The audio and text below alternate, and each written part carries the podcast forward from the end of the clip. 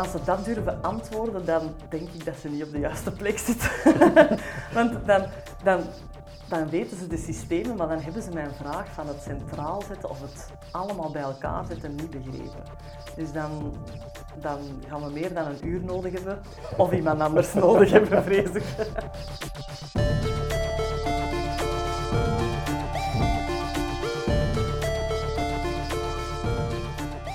Welkom bij Health Nerd, een podcast op het kruispunt van zorg, technologie en ondernemerschap. Mijn naam is Tom Raakleers en dit is de Health Nerd Podcast.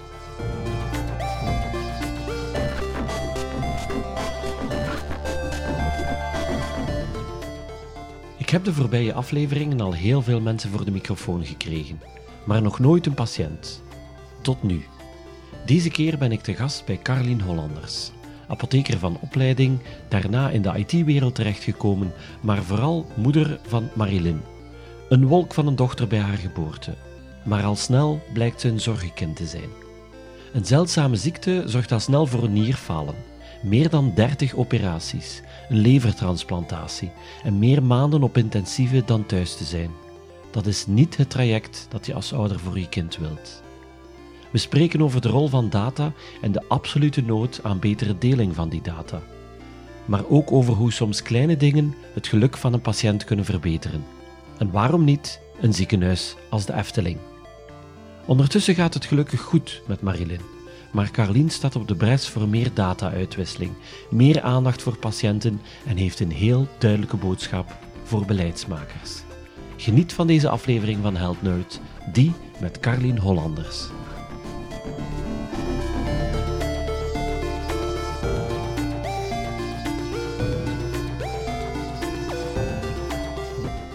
Ik ben uh, van opleiding eigenlijk apotheker. Ook ooit begonnen met in apotheken te werken als vliegende apotheker, zoals ze dat noemen. Dus eigenlijk uh, vervangingen doen van apothekers in verschillende apotheken. En dat ging van een kleine dorpsapotheek naar de apotheek op de Rooseveltplaats uh, in het midden van de stad. En zo eigenlijk met verschillende softwarepakketten in contact gekomen. En dan zo wat de kriebel richting IT gekregen binnen de gezondheidszorg. Voor Corulus gaan werken, die dan software maakt voor apotheken, maar ook voor artsen en andere eerste lijns zorgverstrekkers. Um, en daar heb ik mijn ding in gevonden, zo wat opleiding geven over softwarepakketten, ook mee productmanagement doen. Zo. Dat was echt uh, mijn ding. Um, dan het huisje, tuintje, boompje kwam eraan. Kindjes uh, kwamen eraan. En ik dacht, ik word het voorbeeld van een vrouw die wel gewoon blijft werken en carrière kan verder zetten, ondanks kinderen. Dus ik had een crash die tot half zeven open was, alles was georganiseerd. Um, en dan eigenlijk, uh, als ik dan bevallen was en mijn dochter twee maanden oud was, dan bleek zij een aangeboren ernstige zeldzame ziekte te hebben. Um, en was zij eigenlijk plots in volledig nierfalen. Dus eigenlijk, uh, toen zij twee maanden oud was, um, was zij plots zo goed als dood eigenlijk. En dan is er een hele weg gestart uh, met uh, onderzoeken en, en ziekenhuisbezoeken. Uh, waardoor dus het idee van de carrière verder zetten wel duidelijk even on hold moest gezet worden. En dat even, dat bleek drie jaar te zijn. Drie jaar van continu ziekenhuisopnames, operaties en zorgen voor het kind. Dus dat heeft mij als persoon veranderd van, van de Carlien die ging voor het werken en het, uh, het blijven gaan naast het gezinsleven naar ja, verplicht eigenlijk uit die workaholic sfeer te worden gerukt naar het zorgen voor en het meer dan normaal zorgen voor een kind. Het gas terugnemen zonder dat je er eigenlijk op wordt voorbereid om dat te doen, maar echt uit noodzaak. Mm -hmm. En tegelijkertijd heeft dat mij heel veel bijgebracht om eens langs de andere kant, ik was zelf zorgverstrekker eigenlijk in die, om eens langs de kant van de patiënt dan het ook allemaal mee te maken. En dan eigenlijk uh, op die manier, vooral dan eigenlijk niet meer de eerste lijn, maar de tweede lijn dan, meer in ziekenhuizen en zo, ook daar het rijlen en zeilen langs de kant van de patiënt uh, meegemaakt te hebben. En um, daarna, als alles gestabiliseerd was, uh, ben ik wel terug beginnen werken. Um, dan ook eigenlijk ondervonden hoe ons sociaal systeem daar niet echt voor gemaakt is om drie jaar te zorgen als mantelzorger voor iemand. Um, dus dat, dat, daar is eigenlijk niet echt een goede vergoeding voor. Dus ook financieel is dat best wel heavy geweest. Um, om dan nadien terug te starten in de job waar ik bezig was, maar eigenlijk vrij snel ontslaan te worden. Dus van eigenlijk iemand die heel gewaardeerd werd en workaholic was, naar uh, dat is toch misschien een risico dat die terug uitvalt. Dus ook die kant is mee te maken. Ik was dan wel zelf niet ziek, maar ik begrijp nu wel dat chronisch zieke mensen het best moeilijk hebben om misschien op de arbeidsmarkt dan uh, een, een, stabiele carrière te kunnen maken. Um, gelukkig had ik tegen dan eigenlijk uh, assistentie thuis voor haar en was alles stabiel genoeg om terug te gaan werken. En dan ben ik voor Linkscare gaan werken, die eigenlijk toen een scale-up waren um, binnen het gebruik van AI en voornamelijk NLP eigenlijk in het screenen van medische dossiers. En dan, uh, daarin lag dan meer de interesse met wat ik had meegemaakt dan van de patiëntenzijde. Um, en dan daar eigenlijk voor gaan werken, maar ook wel doorgaat van ja, het, het echt fulltime werken, samen met dan het zorgen voor een ziek kind en het gezin. Uh, maar daarnaast vooral ook mijn man, die samen met mij eigenlijk ook een eigen bedrijf runde in een totaal andere sector. Um, was eigenlijk zo'n beetje keuzes maken. En ons bedrijf bleef boomen, bleef groeien, exponentieel. En dan heb ik echt de stap gezet van oké, okay, één van ons twee moet hier stoppen uh, met, uh, met die carrière zo te maken. En dan is het toch weer de vrouw gebleken die gekozen heeft om thuis te blijven. Uh, allee, thuis blijven is veel gezegd. Ik ben dan mee in de zaak actief gestapt. Met als voordeel dat ik me dan eigenlijk onafhankelijk van medische bedrijven of van IT-bedrijven kon inzetten om dat verhaal van de patiënt eigenlijk rond dan uh, voornamelijk in mijn geval medische datadeling te kunnen brengen zonder verborgen agenda's. Er zit geen medisch bedrijf niet meer aan mij gekoppeld, geen IT-bedrijf gekoppeld, maar met alle ervaring die ik had van het zorgverstrekker en IT-achtergrond, kan ik dan nu wel meedraaien in dat zorglandschap als een beetje de, de patiëntenexpert, uh, durf ik dat dan te noemen, um, om de juiste connecties te maken tussen, tussen mensen die hierbij betrokken zijn. En kijk je anders naar technologie en data omdat je apothekeres bent of omdat je die carrière in IT gehad hebt voor uh, dat je dochter ziek werd? Ik denk dat er weinig apothekers zijn die echt met IT of data bezig zijn. Eigenlijk um, um, zijt je als zorgverstrekker vaak echt van de mindset van ik wil zorgen voor de medemens. Echt, uh, je merkt dat ook als ik nadien aan opleidingen gaf aan apothekers, maar ook binnen ziekenhuiscontext uh, lezingen gaf of zo. De echte puur sang zorgverstrekker is vaak helemaal niet zo echt geïnteresseerd in data of in IT. Dat is meer een middel om hun dagdagelijkse job te kunnen doen. Dus ook ik was toen uh, buiten het apothekerswezen weinig bezig met hoe die data dan naar andere zorgverstrekkers zouden stromen. Ik had het gedeeld farmaceutisch dossier, dus ik kon zien wat er in mijn apotheek, zou ik maar zeggen, uh, gebeurde en in andere apotheken. Maar eigenlijk verder dan dat ging, ging die wereld niet per se eigenlijk. En vind je dat dat zou moeten? Dat zorgverstrekkers meer bewust zijn, meer bezig zijn met het belang van data, het belang van ja, die digitale ja, technologie? Absoluut, absoluut, ja. Ik denk dat het ook voor voor velen wel wenselijk is dat ze zelf wel beseffen van ah, ik, ik mankeer hier het totaalplaatje rond mijn patiënt. Hè? Want een apotheker ziet wat hij heeft afgeleverd of andere apotheken, maar ziet niet de diagnose die de arts heeft gesteld. Omgekeerd kan een arts diagnose stellen, zaken voorschrijven, maar weet eigenlijk niet of het effectief is afgehaald in de apotheek en of de patiënt het effectief heeft genomen. En dat is dan enkel nog maar tussen eerste lijn.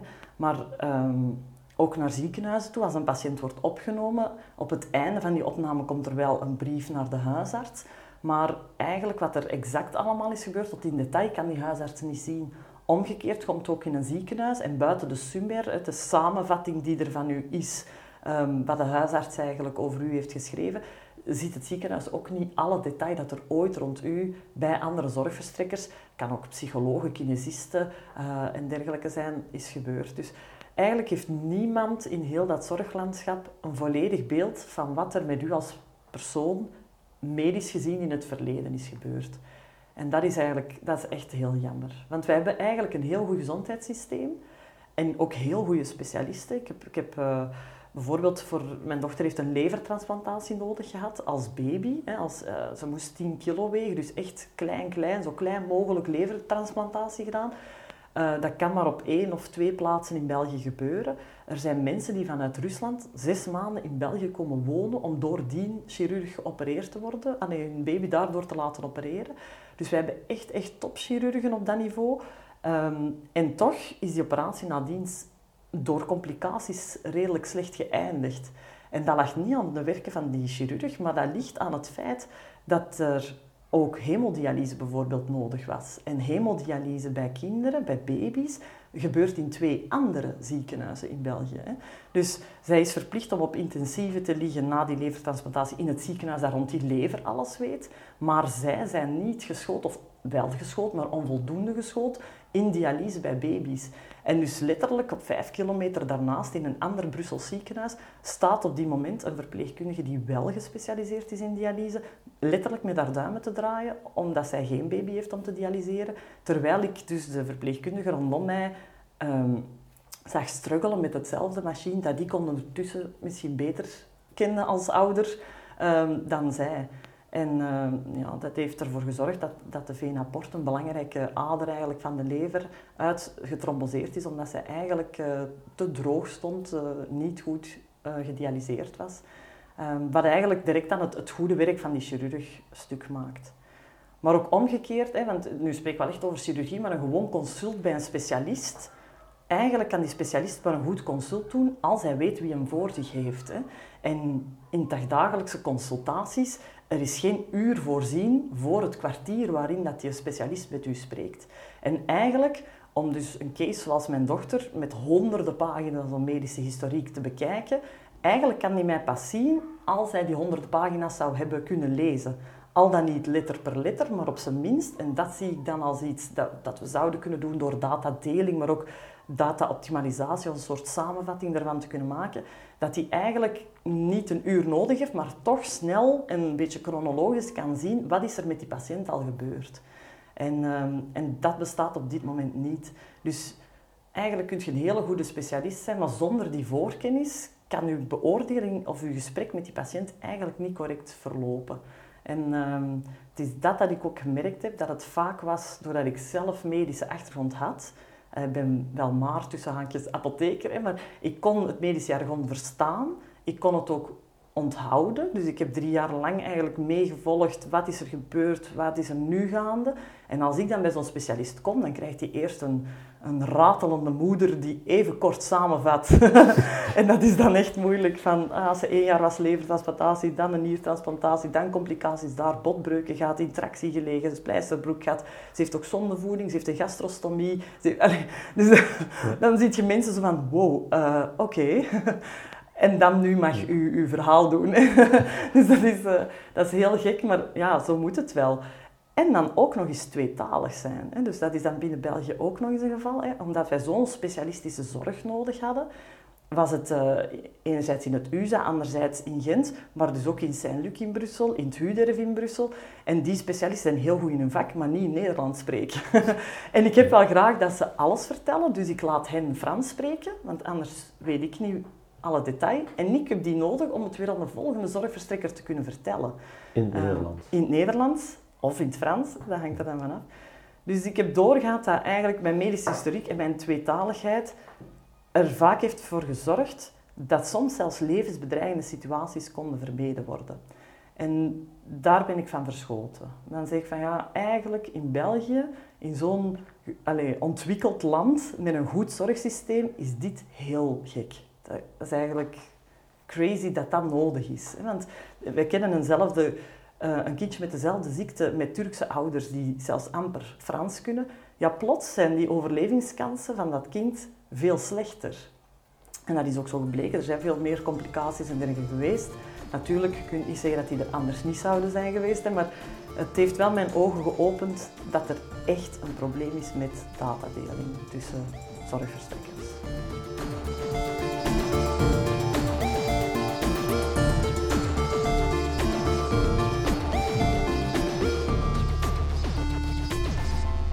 Zou je zo ver durven gaan dat je zegt van had ik nu niet die medische bagage gehad, dan was mijn dochter er nu niet meer? Ja, ik zou dat wel durven zeggen. Er zijn wel momenten geweest bijvoorbeeld dat ik... Ik controleer echt wel redelijk veel en dat kan soms vervelend zijn geweest ook, denk ik. Maar dat ze bijvoorbeeld komen met medicatie. De verpleging doet medicatie in het ziekenhuis en ze komen met een spuit van, um, van 3 milliliter aan iets. En ik weet van oké, okay, dat heeft ze, dat heeft ze, heeft maar die spuit van 3 milliliter, die kan ik niet plaatsen. Dat ik echt dan ook voordat ze dat toedienen zeg van, oh, wat, wat is die 3 milliliter? Ah ja, dat is dat medicament. Ja, ja, maar die heeft geen nierfunctie, hè? Ah ja. Ah ja, ik zeg, dan moet dat 0,3 zijn en niet 3, hè? Ja. Ik ga het even navragen, maar hoe dat u het zegt. Ja, het was, het was zo. Hè? Dus dat zijn soms wel zaken, als dat om, om belangrijke medicatie gaat, die echt uh, levensbedreigend kunnen zijn. Ze is ook extreem gevoelig aan morfine bijvoorbeeld geweest een periode, door uh, waarschijnlijk ook afbraak van die medicatie en zo. En dan is het ook geweest dat ze echt is gestopt met ademen. Dat ze plots in alle die kamer binnenkomen gevlogen en zo'n drukmachine op je kind zetten om terug te doen uh, ademen. Dat is, dat is heel impressionant. En dan denk je wel weer van, mm, dit had misschien vermeden kunnen zijn, kunnen worden. Hè. Dus uh, ja, dat zijn, dat zijn toch zaken... Hmm.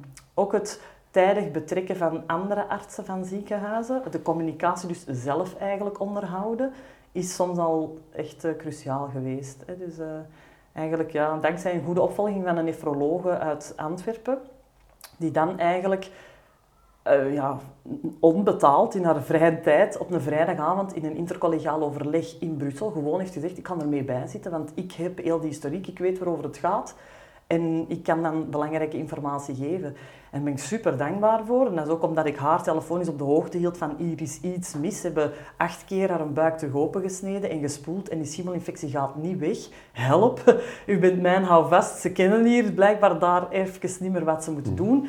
Ze gaven ook zelf aan van we weten het niet meer. Hè. Dus dan, dan denk ik van oké, dit is een beetje een go voor mij van mij echt te moeien nu. Ja. en, dan, uh, en dan ben ik heel dankbaar dat artsen dat doen. Maar eigenlijk zou in ons systeem zo'n overleg dan ook moeten kunnen vergoed worden. Het feit dat die arts dan de moeite doet om van Antwerpen naar Brussel te komen en op een vrijdagavond dat, dat overleg mee te volgen, ja, chapeau, dat, dat moet kunnen. Hè. En als dat niet kan, dan op zijn minst via datadeling. Maar er zijn dus ook momenten geweest dat zij in Brussel op intensieve lag. Um, dat er een scan werd gedaan en dat ik dacht van, oh, volgens mij heeft het twee jaar geleden diezelfde scan ook gehad in Gent. Um, is het niet interessant om dat te kunnen vergelijken? En dat ze eigenlijk volhielden van, nee, nee, dat zal een andere scan zijn geweest, want bij baby's dat doen ze niet zo gauw. En, en ik dacht, ja, volgens mij wel. Ik zeg, kan u dat toch eens niet opvragen? Oh, dat zal, dat zal toch iets anders zijn geweest. En dat ik heb gebeld, bleek wel dezelfde scan te zijn. En dat ze die dan op een cd-rommetje hebben moeten branden en per post opsturen naar Brussel. Terwijl je op intensieve ligt met eigenlijk een cruciale vraag, namelijk er ligt iets op in de hersenen, is er nu iets van schade aan het veroorzaken of is dat schade die er al was? Wat dat toch wel een urgente vraag kan zijn. Hè? Dus, en, en dat heeft voor mij echt zo'n beetje een wake-up call geweest van oké, hier moet ik me mee achter zetten. Want als patiënt, doorsnee patiënt, denk je dat, dat de artsen dat wel weten. je gaat naar een specialist en al zeker naar uw huisarts, denkende dat uw huisarts alles wel weet wat er met u is gebeurd ondertussen na een val in het ziekenhuis enzovoort. Of je gaat naar spoed. Ik ging naar spoed in het USA en wij komen elke maand in het USA al, al jaren, al acht jaar. En toch, als ik nu op spoed ging, kwamen ze met de eerste vraag, en is ze nog aan dialyse? Ik denk, maar hè? Wij komen elke maand hier als navolging, in opvolging van een niertransplantatie. Dus nee, die is niet meer aan dialyse. Maar, dus zelfs binnen eenzelfde ziekenhuis is dan de software of de samenvatting die in hun computersysteem zit op spoed niet mee met wat er al gebeurd is. En dat komt heel raar over bij een patiënt. Hè? Want je komt wel in het ziekenhuis waar ik elke maand kom, waar ze mij door en door kennen. Dus als patiënt denk je dat ze van u op de hoogte zijn. En dus uh, ik denk dat er heel veel patiënten ook naar een specialist of naar hun huisarts en zo gaan, denkende, ja, maar die zien dat toch heel mijn medische historiek. Die weten dat wel.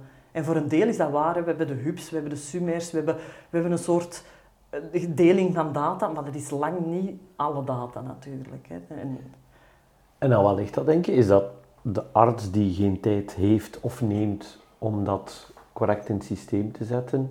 Is dat effectief datadeling? Is dat uh, de tijd niet hebben om alles na te lezen wat er al in de historiek zit, stel dat ze wel toegang hebben? Mm, dat is eigenlijk een combinatie van zaken. Sommige artsen zijn inderdaad uh, is soms het, de samenvatting up-to-date houden, is soms extra typwerk. Naast hun standaardverslag moeten ze actief die samenvatting ook up-to-date houden. En dat is natuurlijk al een extra stap die soms moeilijk is. Hè. Dus uh, moest daar automatisch lopen, en dat is soms wel, maar niet altijd, vanuit hun, hun eigen geschreven verslagen, dan is dat al veel gemakkelijker.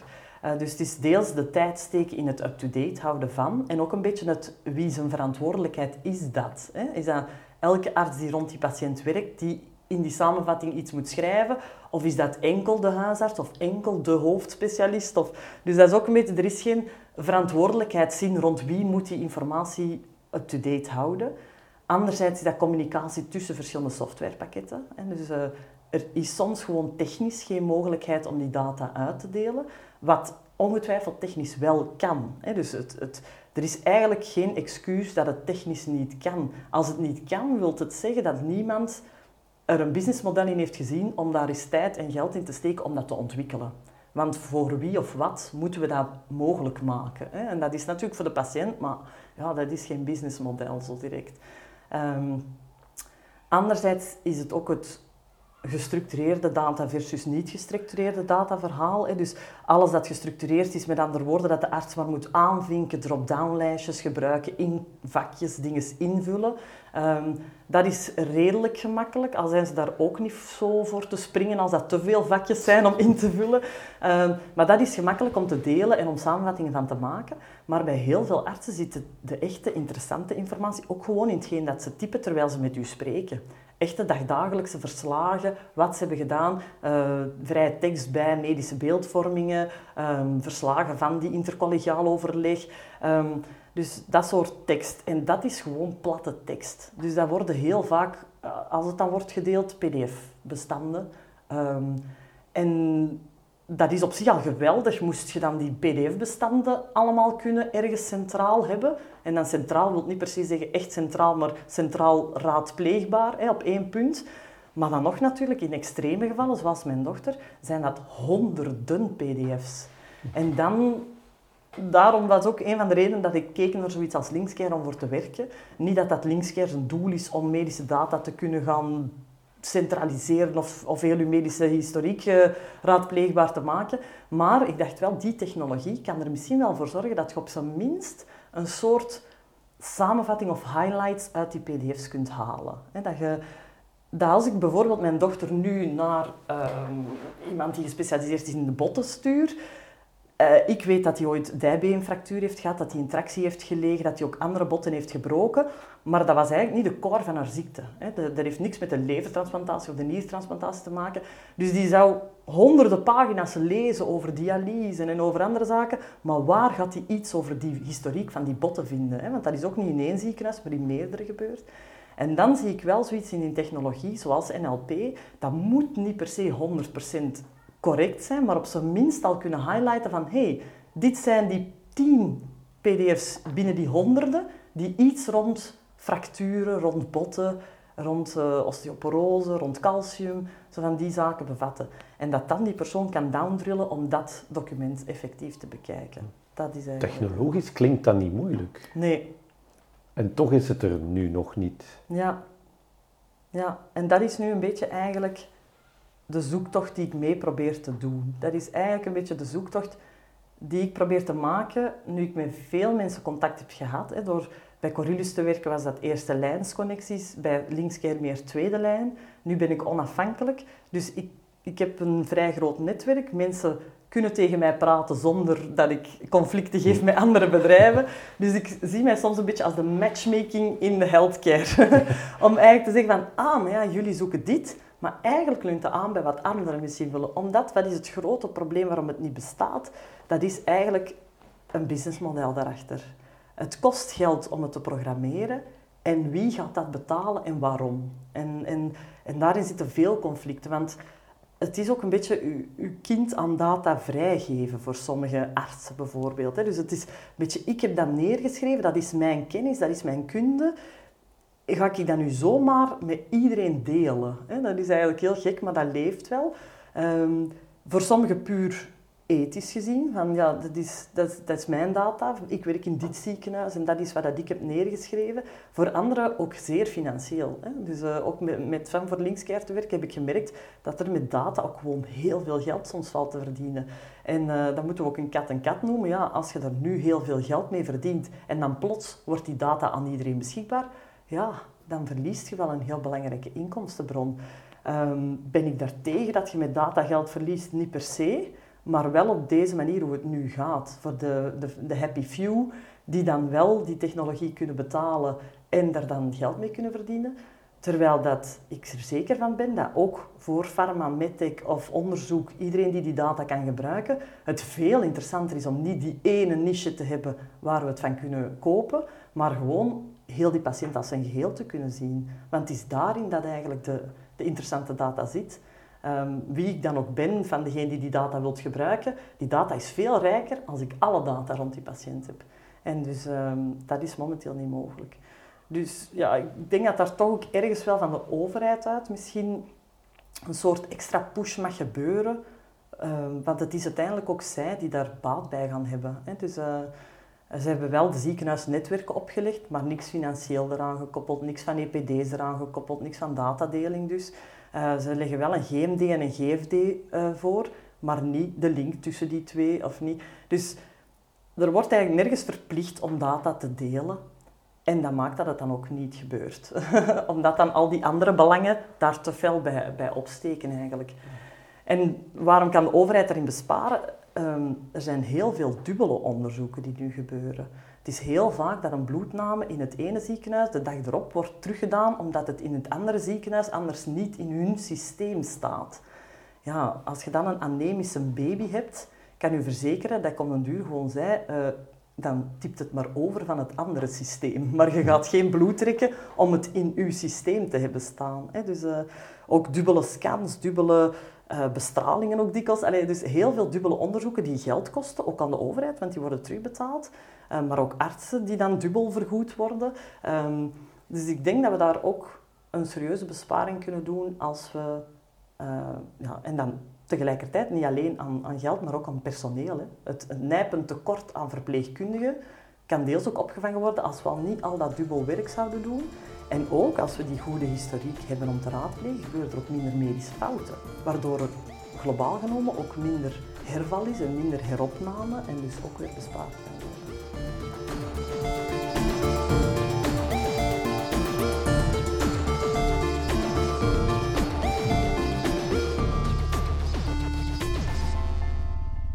Welke rol zie je nog voor de overheid om daarin te faciliteren? Of moeten ze het gewoon opleggen? Ik denk dat we daar dan ineens al naar een, echt een frame moeten gaan kijken van hoe we die data willen delen. Dus dan, dan zitten we meer om met de technologische kant samen te zitten van gaan we naar één standaard taal waarin we die data moeten kunnen ehm, uitwisselbaar maken. Van oké, moet iedereen zijn eigen softwaretaal en pakket kunnen vertalen naar een soort standaardtaal. Of zeggen van we beginnen al gewoon met die pdf-dump op een centraal punt te doen. En dat het dan niet leesbaar is. Alleen leesbaar in de zin van veel tijd, dat is, al, dat, is dat dan al. Hè. En dat zou op zich voor mij als patiënt al gewoon geweldig zijn. Want nu, wat doe ik? Ik heb een Dropbox, totaal niet beveiligd. En wat ik krijg, en dat is echt maar een tiende nog niet van wat er is geschreven over haar, dat staat daarin en dat probeer ik dan te delen is. Um, maar eigenlijk moest ik een soort Dropbox maar aan beveiligd. Hè. We hebben zo'n goede platform, gelijk het e-health-platform en andere. We hebben heel die infrastructuur, heel die beveiliging, heel die identificatie, die GDPR-regels en al. Daar rond die consenten, die therapeutische relaties, al die zaken bestaan. Dus eigenlijk is het nu maar gewoon zeggen, en nu moet iedereen zijn verslagen daarin dumpen, bij wijze van spreken. In het slechtste geval.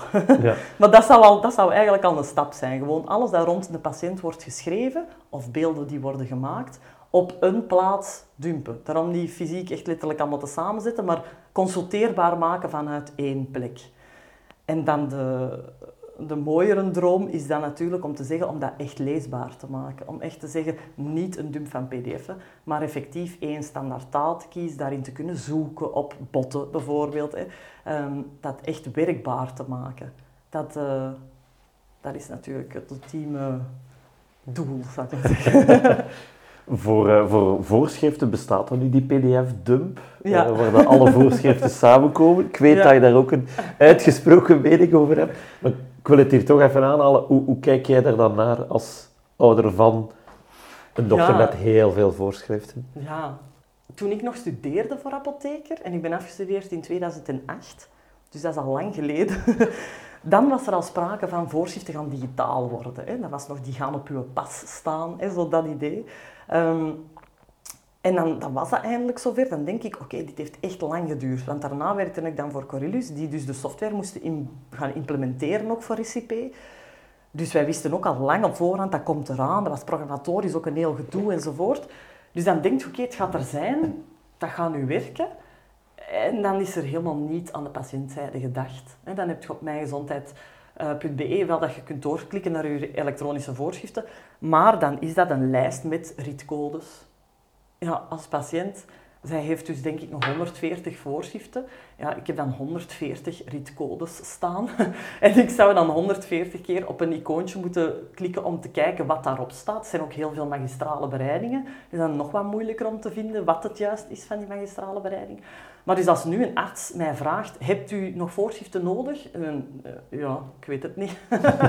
u kan het misschien beter zien in uw software dan dat ik het kan zien. En zelfs dat is vaak niet het geval ja, dan zal ik nog maar eens alles gewoon voorschrijven. En zo gaat je een berg aan voorschriften eigenlijk verder.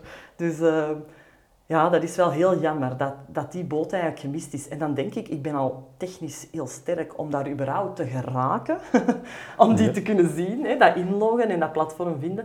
Maar dan denk ik aan, aan oudere mensen, want dat zijn vaak de mensen met meerdere voorschriften. Ja, voor hun is dat gewoon helemaal onbegonnen werk. Hè. Dus dan heb je eigenlijk die boot gewoon totaal gemist van het, van het nut van die elektronische voorschriften. Dat is eigenlijk uh, jammer. En welke technologie zie je daar dan nog tussen zitten om dat toegankelijker te maken? Is dat dan het ja, systeem, dat is... alle NLP die, die er door... Oh, ik denk zelfs dat, dat gewoon RCP dat zelf wel kan oplossen.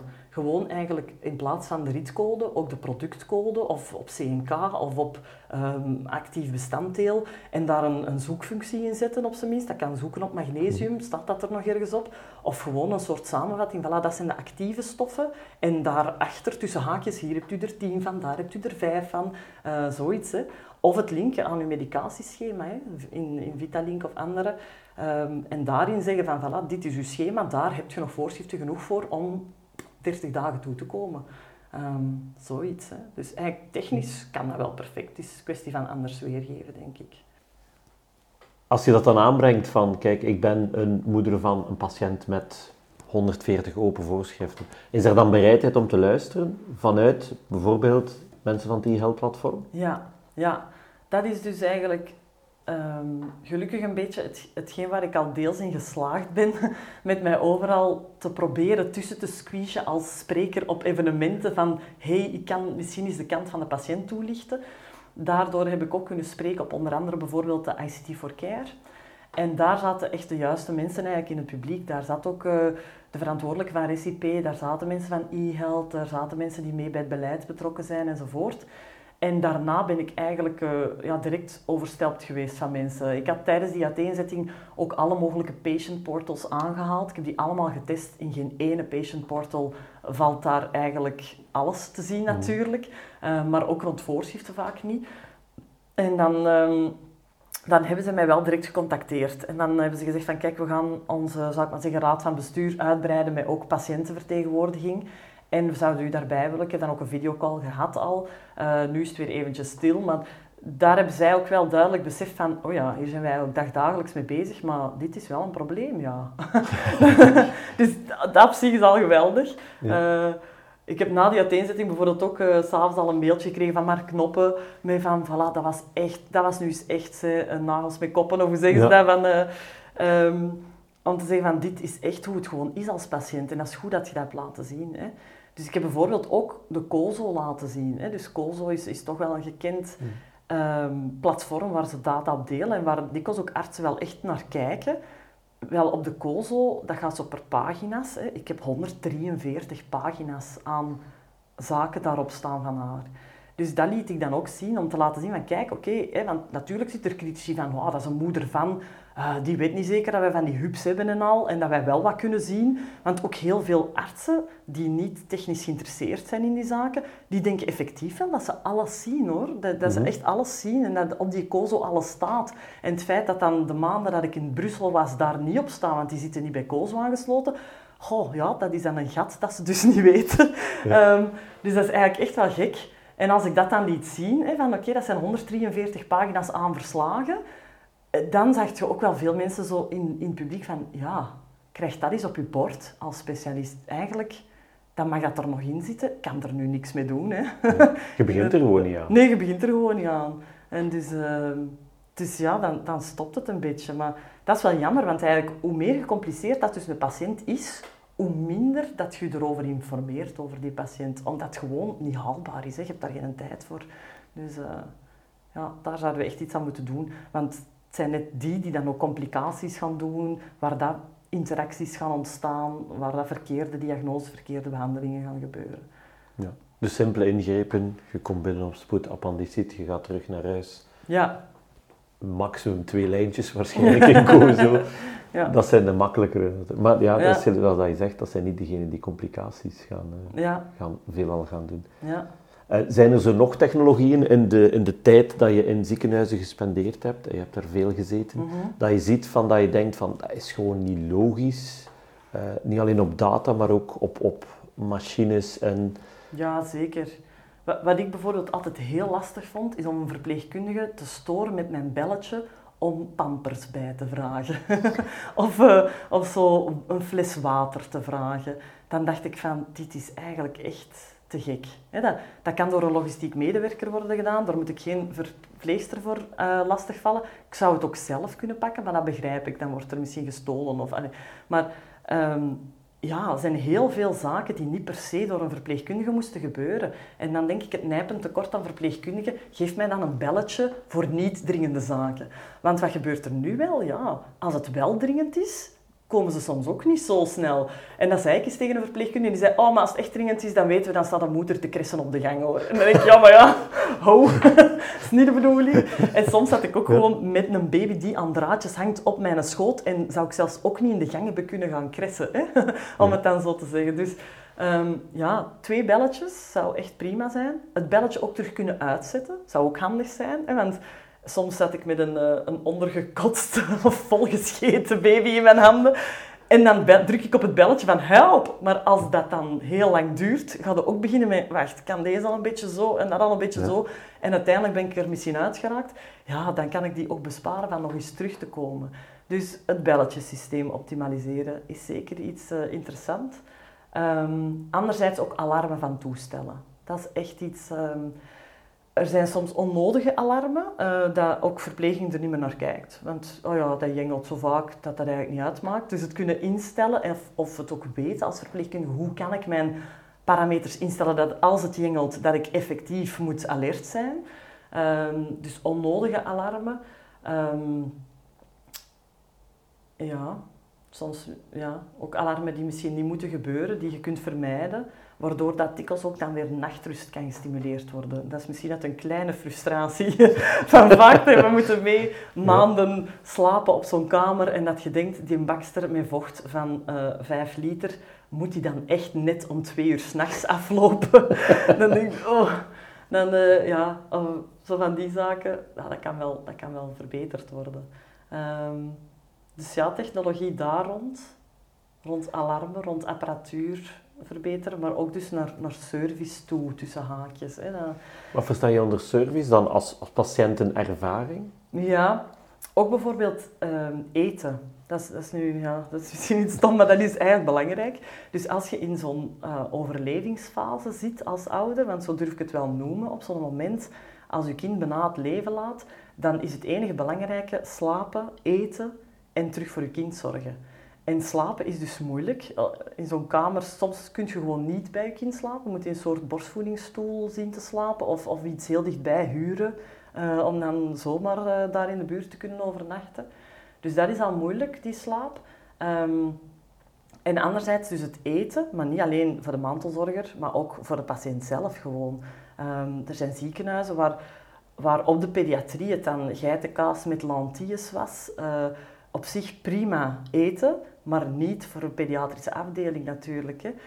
Um, of ja, de typische spruitjes met uh, braadworst en, uh, en, en, patatjes. Ja, er is geen keuze. En als een kind aan het herstellen is, dan is het wel handig als die dingen kunnen eten dat ze mogelijk lekker vinden of dat er uh, iets of wat keuze is. En ja. dat is er soms niet. En eten is echt een belangrijk onderdeel van herstel. Ik weet dat er ook bedrijven zijn die zich daar echt in, in specialiseren. Dat is ook effectief wel zo gebleken, vind ik zelf, het ervaring. Dus om een duur ging ik bijna pas naar spoed als ik nog een pot spaghetti eerst had gekookt. dat is effectief. Omdat ik wist, ik hang nu vast, ik ga daar dagen moeten zijn. En het belangrijkste gaat zijn dat die terug aansterkt, dan heb ik spaghetti nodig. Ja. dus dat is, zo, dat is eigenlijk heel gek, maar dat, dat gebeurt wel. Ehm, ja, of popcorn of zo. ja, er zijn wel zaken die je ook gewoon op een dienst zou kunnen houden, maar het is vaak weer organisatorisch hè, dat, het, uh, dat het moeilijk is. En ook dus als mantelzorger, ja, bij een baby, um, de broodjeszaak in een ziekenhuis is soms een half uur wandelen. Dat is zonder overdrijven, zeker in die grote ziekenhuizen die baby kun je niet alleen laten. Hè. Op intensieve eigenlijk nog beter dan op pediatrie. Want op pediatrie is er niet een verpleegster per baby. En dus je kunt moeilijk vragen aan een verpleegster, kun je nu eens even een uur erbij zitten, ik zou gerne een smosje gaan halen. Alleen dat is niet... Maar ook gewoon jezelf douchen. Soms moet je gaan douchen op een gang. Eh, ja, je kind alleen laten is dan moeilijk. Dus daar zie ik ook wel een, een hulp misschien met logistiek medewerkers slash technologie. Hè ik miste een soort van WhatsApp-groepje van hey, mama in kamer 203 wil graag eens douchen na drie dagen. Kan er iemand bij mijn baby komen zitten? Dan, uh, de, dat zijn van die kleine zaken. En ik denk dat daar heel veel geluk mee valt te vinden. Echt het... Het moet geen Efteling zijn. Hè. Het is niet dat je daar echt voor je plezier moet komen zitten. Of, of wel. Maar, maar, voor je plezier daar zitten ga je niet doen. Maar nee. het mag misschien wel een Efteling zijn. Het kan zo aangenaam mogelijk. Ik, ik haal dat ook echt in, in een van mijn... Uh, ja, presentaties aan in de Efteling, aan de inkombalie van het hotel, heb je daar zo een trapje staan. Dat gewoon eigenlijk je kind mee kan over de balie kijken en mee kan op niveau van de volwassenen praten. Het is dat ook dat je mist in ziekenhuizen, op pediatrische afdelingen. Dat is iets klein, zet daar een trapje, dat die patiënt die binnenkomt, want het gaat tenslotte om het kind, dat misschien Zeker als het een geplande opname is hè, voor een operatie, een kind heeft schrik, komt binnen, ah, dat ze direct al weten, hé hey Marilyn, jij komt vandaag voor je dingen, hè? ja, zet, u maar al daar, of ik heb al een kamer. Of, en dat, dat is in een snel een kladpapiertje er Marilyn in mooie kleurtjes op de deur wordt gehangen van wauw, dat is mijn kamer, Haha, ik werd hier al verwacht.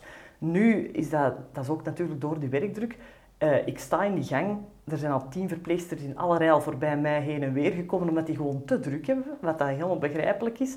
En dan is dat van, oh ja, uh, ja, uh, ja, je zult nog een halve dag even best op de wachtzaal van een andere dienst gaan zitten, want je kamer is nog niet klaar. En ja, dus daar zie je echt die druk.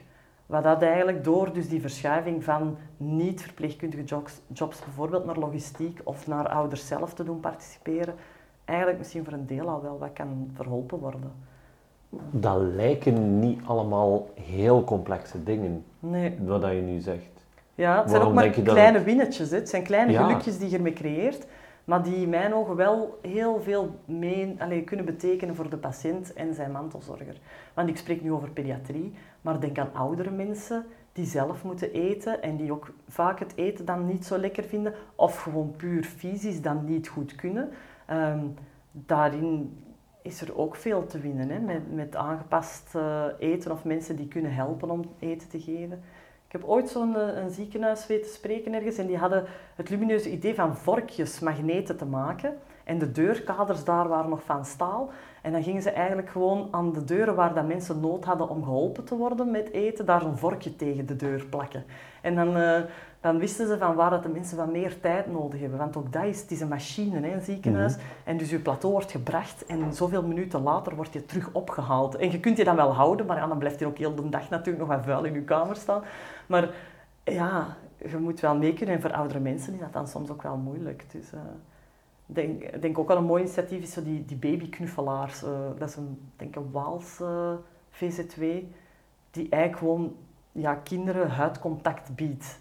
Um, en dat zijn ook schrijnende gevallen dat ik echt heb gezien in ziekenhuizen waar kinderen helemaal alleen liggen op een kamer te wenen van de pijn, te wenen omdat ze niet kunnen slapen.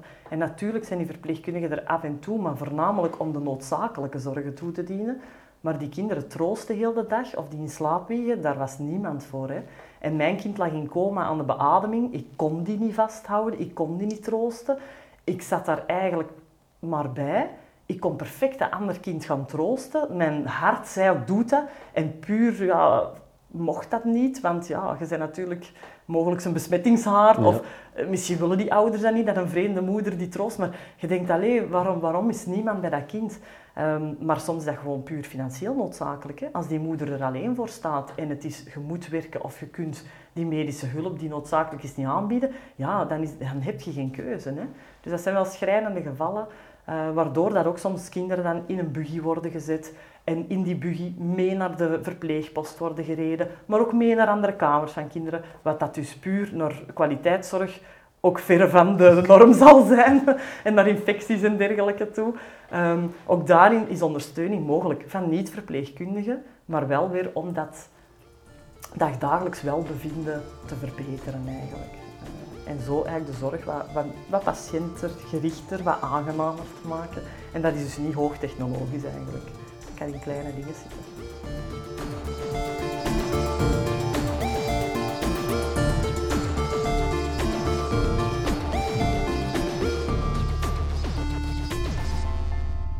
Je loopt nu al zoveel jaren rond in ziekenhuizen, meer dan dat je, dat je ooit had voorgesteld waarschijnlijk.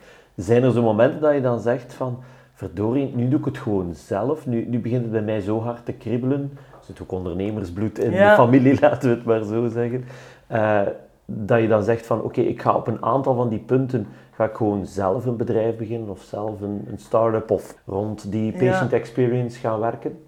Ik heb op verschillende punten al gedacht. Um, bijvoorbeeld rond uh, kledij. dus, uh, dus er is weinig kledij waarin dat allerlei draadjes aan je lijf kunnen komen. Dus als baby was dat een pyjama met zo van boven allemaal knopjes. En dan kun je alle draadjes langs die knopjes eruit laten komen. Maar dan nadien wordt dat moeilijker. En het enige dat ze dan eigenlijk hebben is een operatieschort. Maar een operatieschort geeft een enorm negatieve connotatie. Mijn dochter is 20 of 30 keer geopereerd. Als die zo'n schort ziet, dan, dan is er een trauma dat losbarst tot en met. Dus dat gaat niet. Het is heel eenvoudig. Allee, het is mogelijk om bestaande leuke kinder-t-shirtjes aan te passen met drukknopjes die geen doorlichtwondes geven, naar dat het overal open kan gemaakt worden en dat die kinderen toch niet naakt moeten liggen. Nu zie je heel veel kinderen naakt liggen, gewoon omdat ja, kleren aan en uit doen, dat is elke keer dat infuus terug open en dicht doen, dat is een risico op infectie. Uh, dat is best een groot risico. Um, dus zo van die zaken uh, voorzien. Maar dan als je het dan uitwerkt, dan is het ja, maar ja, wie gaat die wassen? dat kan hier niet zomaar mee met de schorten van de verpleegkunde naar die een dienst gaan, want ja, dat is dan los. En wie gaat dat dan uh, proper houden? Wie gaat dat betalen om dat proper te houden? We moeten dat dan in alle maten hebben. Wie gaat dat onderhoud doen? Waar gaan we dat stockeren? Uh, dat soort zaken. En dus dan, ja, dan is het, blijkt het altijd wel wat meer bij te komen kijken dan, dan nodig. Maar ook simpele dingen. Hè. Dat dacht ik, ik ga nu gewoon eens sponsoren voor lepels, vorken en borden. Want als, als uh, ouder in een ziekenhuis, het enige dat je hebt is een microgolf, maar daarnaast staan plastieke borden. Ja, ik weet niet of je al eens hebt geprobeerd om de lasagne op een plastieke bord op te warmen in de microgolf, maar dat gaat niet. En, en het excuus is, ja, anders wordt dat gestolen. Ja, maar ja, ik zit hier nu wel met een probleem. Hè. Uh, en dan denk ik, ik zie al die plateaus dus verschijnen met borden en bestek. En waarom kan dat dan niet daar? Ah ja, maar dat is van de grootkeuken van het ziekenhuis. Hè. Ja, dat is dan dat is een ander bedrijf. Of dat is los van het ziekenhuis, de catering. En ja, als patiënt, dat begrijpt je niet echt. Nu, ik moet zeggen, het moment dat ik dan zelf mijn ovenschaal met lasagne in dat ijskastje van de ouderkeuken zette, om een dag later mijn ovenschaal kwijt te zijn, besefte ik van, ah, dat is wel jammer. Je zit maar met twintig op de gang, maar blijkbaar is niet iedereen even solidair. dus... Uh, ja, dat, dat, beseft je wel. Ook bijvoorbeeld zondevoeding. Hè. Dus mijn dochter heeft lang een neuszonde gehad. Het verband om zo'n neuszonde te plakken op je kaak, daar heb je duizend en één fabrikages in. Afhankelijk van de verpleegdienst, afhankelijk van wat ze hebben. Uh, er zijn er die volledig over de neus, gewoon onder de neus, naast de neus. Esthetisch kun je daar al mooiere dingen zien maken dan anderen. Maar aan den duur had ik het perfecte combinatie gevonden van een siliconenverbandje eronder tegen de drukwondes en de plak van de pleisters die irritatie gaf. En een stevige, doch gemakkelijk aftrekbaar als het moet, pleister erover. En dan dacht ik, ja, nu ga ik 3M of zo contacteren en zeggen van voilà, we gaan hier in een aantal modellen de, de perfecte pleistercombinatie maken voor op die, op die kaak te kleven. Dus zo, ja, zo komen er wel meer en meer ideetjes, maar ja, nooit echt doorgezet natuurlijk, omdat ik ook vaak in, in een moment zat dat het dan weer plots slechter ging en, en dat dan dat idee weer Maar wat er wel is gebleken, is dat ik andere ouders heb kunnen helpen daarmee. Hè. Met dat, dan te zeggen, ah, maar probeer eens die pleister zo, met dan die pleister daarover. En daar is denk ik wel ruimte voor. Om patiënten niet alleen naar zorgverstrekkers toe een stem te geven, maar ook onderling. Ehm, ja, je hebt natuurlijk patiëntenorganisaties, maar bijvoorbeeld heel veel kinderen met kanker hebben misschien zo'n zonde, maar mijn dochter heeft nu geen kanker. Dus ik hoor niet tot de patiëntenvereniging voor mhm. kinderkanker. Maar ik heb wel vaak dezelfde zaken meegemaakt of dezelfde de noden gekend eigenlijk. Dus uh, ik denk dat daar elkaar gemakkelijker in vinden, dat daar misschien wel een oplossing kan zijn. Maar ook zeker dus de patiëntenparticipatie naar de zorgverstrekker toe. Zoals ik nu echt wel moet uh, mijn netwerk gebruiken om mij kenbaar te maken van hé, hey, als iemand een patiënt zoekt, uh, contacteer mij. zijn er heel veel instanties die eigenlijk zeggen, wij willen patiëntenparticipatie. Hè? Of, wij, of wij doen dat al. En dan, maar dan eigenlijk, als je concreet vraagt, wat doet je dan? Of hoe verwezenlijkt je dat? Dat het heel moeilijk blijkt. Dat ze het eigenlijk heel graag willen, maar heel moeilijk vinden om de juiste patiënten te vinden. Want ik ben ook niet de doorsnee patiënt natuurlijk. Ik ben heel technologisch onderlegd. Dus ik ga direct zeggen, oh, ik zou dan een app voor willen. En als je dat zo en zo doet, en ik kan, als ik dan... Uh, zoals als ik wil gaan douchen, dan een soort WhatsApp-groep heb om dat in te zetten. Iemand anders zal zeggen, oh, daar heb ik niet met een gsm voor. Kan ik dat niet gewoon aan de verpleegster vragen dan? En dat die dat regelt? En zo. Dus ja, je hebt heel veel verschillen in patiënten natuurlijk ook. Hè. Dus uh, daar moet je een beetje voor kunnen gevonden worden. En dat heb ik eigenlijk dan puur naar de zeldzame ziekte van mijn dochter toe gedaan door mij te registreren op Patients Like Me iets totaal niet Europees, niet uh, in België geïntegreerd, maar gewoon om te zeggen van hé, hey, als iemand iets wilt weten rond primaire hyperoxalurie type 1, want dat komt heel weinig voor, hier kan u iemand vinden, ik kan u daar informatie over geven. Um, en sindsdien zijn er effectief uh, twee, drie Amerikaanse bedrijven die dan de nood doen om medicatie te zoeken voor een zeldzame ziekte, die mij actief hebben gecontacteerd van, ah, merci, want dankzij uw verhaal kunnen wij ons product misschien ooit gaan ontwikkelen om iets te doen tegen deze ziekte. Dus ja, dan, dan voelt je als patiënt geweldig. Dan denk je, yes, dat heb ik toch kunnen verwezenlijken. en gebeurt dat genoeg, denk je, in, in de Belgische zorg, los van de lijnen? Uh, dat er geluisterd wordt naar die patiënt, dat die effectief een, een participatieve rol heeft en niet alleen uh, de, de, klachtenbrief stuurt naar de ombudsdienst en zegt ja. het moet beter, maar er echt mee in zit om het, om het te verbeteren? Ik vrees daarvoor. Ik vrees dat daar te weinig tijd echt voor wordt vrijgemaakt. En als het wel gebeurt, dat het echt een beetje van de toevallige goodwill van die dienst of van die artsen afhangt. En dus dat het zeker op bepaalde plaatsen heel mooi gebeurt, maar dat wordt zeker niet algemeen vanuit de overheid of zo gestimuleerd. Dan is het echt omdat die artsen of die dienst daar actief mee betrokken is en zich echt wilt in onderscheiden of zeggen van ja, wij, wij hebben hier al eens zelf ondervonden dat dat nut heeft, we gaan hiermee verder. Dat, dat, uh, ja, ik denk dat het voor velen moeilijk is om te verwezenlijken, om te weten van hoe gaan we dat aanpakken. Gaan we gewoon elke patiënt iets laten zeggen? Doen we een soort vragenlijst? Maar ja, dekt dat wel alles? Um, kunnen we zomaar actief mensen contacteren? Gaan die dat wel leuk vinden? Zo, ja, ik denk dat dat wel wat tegenhoudt. En vooral ook weer de tijd. Hè. Het brengt niet meteen iets op of ze zien niet direct wat het zou kunnen opleveren. En dus gebeurt het soms, uh, soms niet. Ja. Stel dat je een uur krijgt met Frank van den Broeke, Hilde Krevits. Uh, We hebben genoeg ministers van volksgezondheid in dit land. Een paar die hier rond de tafel zitten en die zeggen wij maken nu een uur tijd vrij voor u. Wij luisteren. Wat ga je wat ga je aanhalen? Ik denk toch voornamelijk nog nummer één, die medische historiek rond één patiënt. Ergens allemaal samen zetten. Dat is echt de nummer één. Want daarvan hangt zoveel af. Naar juiste behandelingen toe, naar de juiste zorgen verstrekken. Dat het andere nog wel lokaal zou kunnen gebeuren. En een dienst optimaliseren, dat kan binnen een ziekenhuis. Ehm, maar die medische data, daarvoor zijn zoveel spelers noodzakelijk dat daarin echt de overheid betrokken moet worden. Om alle neuzen in dezelfde richting te doen wijzen, om de lange armen en de verborgen agenda's te overbruggen ehm, en, en, iedereen daarin samen te brengen. Ehm, en daar, daar gaat de, de overheid alleen maar baat bij hebben. En voor de rest, het gebruiken van de data die zij al hebben. En dan ga ik een heel concreet voorbeeld geven. Als ik op de Rooseveltplaats in Antwerpen stond, ehm, dan verkoop ik soms aan iemand met diabetes onverantwoord veel antidiabetesmiddelen. Dat ik denk, dit kan niet. Die persoon kan dat niet nemen. En dan komen die de volgende keer met een postpakketje en wordt dat dus opgestuurd naar ergens anders. Dat is terugbetaalde medicatie op naam van die patiënt, maar belachelijk te veel voor die patiënt. Ja, dat is puur uit de statistieken te halen. Hè. Terugbetaalde medicatie, dat wil zeggen, het is op voorschrift, het is terugbetaald door Tresief. Dus daar kan gewoon computertechnisch iets op staan, een alarm dat zegt, oh, dat kan niet. Die patiënt kan niet zoveel pillen nemen, ongeacht welke diagnose of dosering, de allerhoogste dosis kan niet. Maar ook dat wordt momenteel niet gemonitord. En dat is maar één van de voorbeelden. Er is niet alleen misbruik, maar er is ook verslaving en, en andere, en doorverkoop van middelen. Ehm, dat is nu enkel maar iets dat ik heb ondervonden vanuit de apotheekwereld, maar ik durf ervoor wedden dat er ook wel op andere diensten in eerste lijn of in tweede lijn zo zaken gebeuren. Ehm, dus de data die ze nu al hebben, gewoon is allemaal linken. Dus alles bij elkaar zetten en eens kijken van oké, ehm, waar loopt er hier iets raar of iets mis dat niet zou kunnen.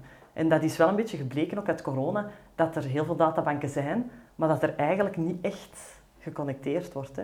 Wat in mijn voordeel was, ik ben al lang geen actief apotheker niet meer, maar ik werd toch als een van de eerste gevaccineerd. omdat ik apotheker ben, omdat ik een risiefnummer heb. Dus ook dat is een beetje gek. Hè. Dus, uh, dat, uh, dat ze, ja, ook zo'n zaken, eigenlijk weten ze dat, maar toch ook niet. Hè. Dus, uh... En vrees je dan niet dat het antwoord gaat komen ja, die systemen bestaan toch al. We hebben Vitalink, we hebben het e-health platform, we hebben Recipe, we hebben dit en we hebben dat. Als ze dat durven antwoorden, dan denk ik dat ze niet op de juiste plek zitten. Want dan, dan, dan weten ze de systemen, maar dan hebben ze mijn vraag van het centraal zetten of het allemaal bij elkaar zetten niet begrepen. Dus dan, dan gaan we meer dan een uur nodig hebben, of iemand anders nodig hebben, vrees ik. Oké. Uh, misschien nog, uh, nog twee laatste vragen. Voor eerst, hoe is het nu met je dochter? Goed, alleen relatief goed. Het is nog altijd maandelijks op controle. Er zijn nog complicaties die mogelijk plots zeer urgent kunnen zijn. Dus het is altijd een beetje aan een zijde draadje en opletten. Um, en natuurlijk, een niertransplantatie is niet voor het leven. Dus uh, om de 20 jaar zal dat terug moeten gebeuren ongeveer, als we geluk hebben. Een levertransplantatie weten we nog niet echt, want dat doen ze nog niet zo heel lang. Normaal kan dat wel levenslang mogelijk zijn. Um, maar dus ja, het blijft, altijd, het blijft altijd opletten. Het blijft ook altijd, zoals ze dat zeggen, ik vind dat geen mooi woord, maar een zorgenkindje. dus uh, dat wel, maar in het dagelijks leven, andere mensen zien, zien, uh, zien, er niet direct iets aan en ze kan mee functioneren in de maatschappij voorlopig. Dus dat, dat, is het beste dat we hadden kunnen voorstellen eigenlijk. Dus uh, we zijn daar heel dankbaar voor. Ja. En dan een allerlaatste slotvraag. Waar droom je nog van voor je dochter, voor uh, als patiënt, expert of als mens in de maatschappij, of als ondernemer, of als gelijk wat? wat oh, zou je... Dat zijn veel verschillende ja, dromen dan. Hè? je mag die tijd nemen. Ja. ja, als we het puur naar het medische bekijken, dan toch naar die centralisatie van die data. Maar dan ineens de full shebang, zou ik maar zeggen. Met dus alles echt als in readable, als in echt kunnen kijken naar wat er is gebeurd op een chronologische lijn met de afbeelding van een persoon ernaast en ik klik op de rechterarm. Wat is er ooit met die rechterarm gebeurd? Tot, tot welke infusie is er ooit waar geprikt geweest, bij wijze van spreken. Dat ik echt alle data beschik van mezelf of van een, een kind wat er is gebeurd, medisch. En niet alleen ik, maar dus ook zorgverstrekkers, ook pharma, ook medtech, ook iedereen die er baat van kan, kan bij hebben. Met het juiste mengpaneel in handen van de patiënt om te zeggen, dit schuif ik open voor die mensen om te raadplegen en dat schuif ik, schuif ik open voor andere mensen om te raadplegen. Um, dus in beheer zijn van mijn eigen medische data en die ook deelbaar maken met eender wie waar ik het mee zou willen delen. Dat is eigenlijk wel de, de medische droom die ik zou hebben. Wat ik denk dat echt wel mogelijk is, maar waar veel neuzen in dezelfde richting voor moeten kunnen gezet worden om het te verwezenlijken. En wat droom je nog voor Marilyn? Goh, eigenlijk een gelukkig en normaal leven. De gezondheid zou helemaal natuurlijk, maar zo min mogelijk nog stress en operaties. Want je merkt wel dat ze daar een, een lading in meedraagt van sneller nu bang te zijn als er zoiets iets moet gebeuren.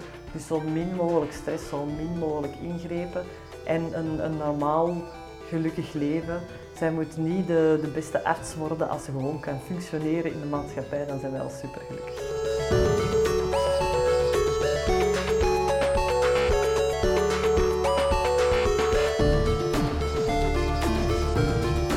En hiermee sluiten we deze aflevering van Health Nerd af. Wil je deze of andere afleveringen herbeluisteren? Ga naar je favoriete podcastapplicatie of bezoek healthnerd.eu. Heel graag tot de volgende.